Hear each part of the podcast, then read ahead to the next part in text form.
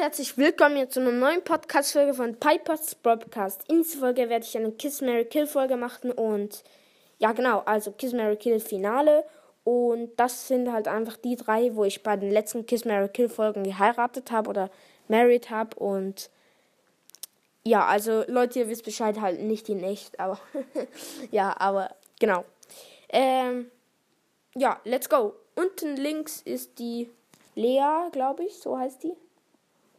Äh, das ist die, die Bruder, das ist die Schwester von einem YouTuber.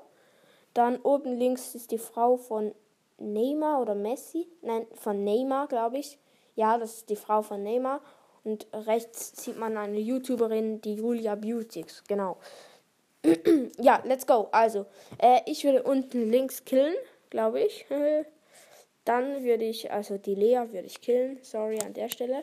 Dann oben links würde ich äh, Kiss. Und rechts würde ich married oder heiraten. So. Ja, genau. Ja, Leute, ich hoffe, die Folge hat euch gefallen. Ähm, und ja, tschüss.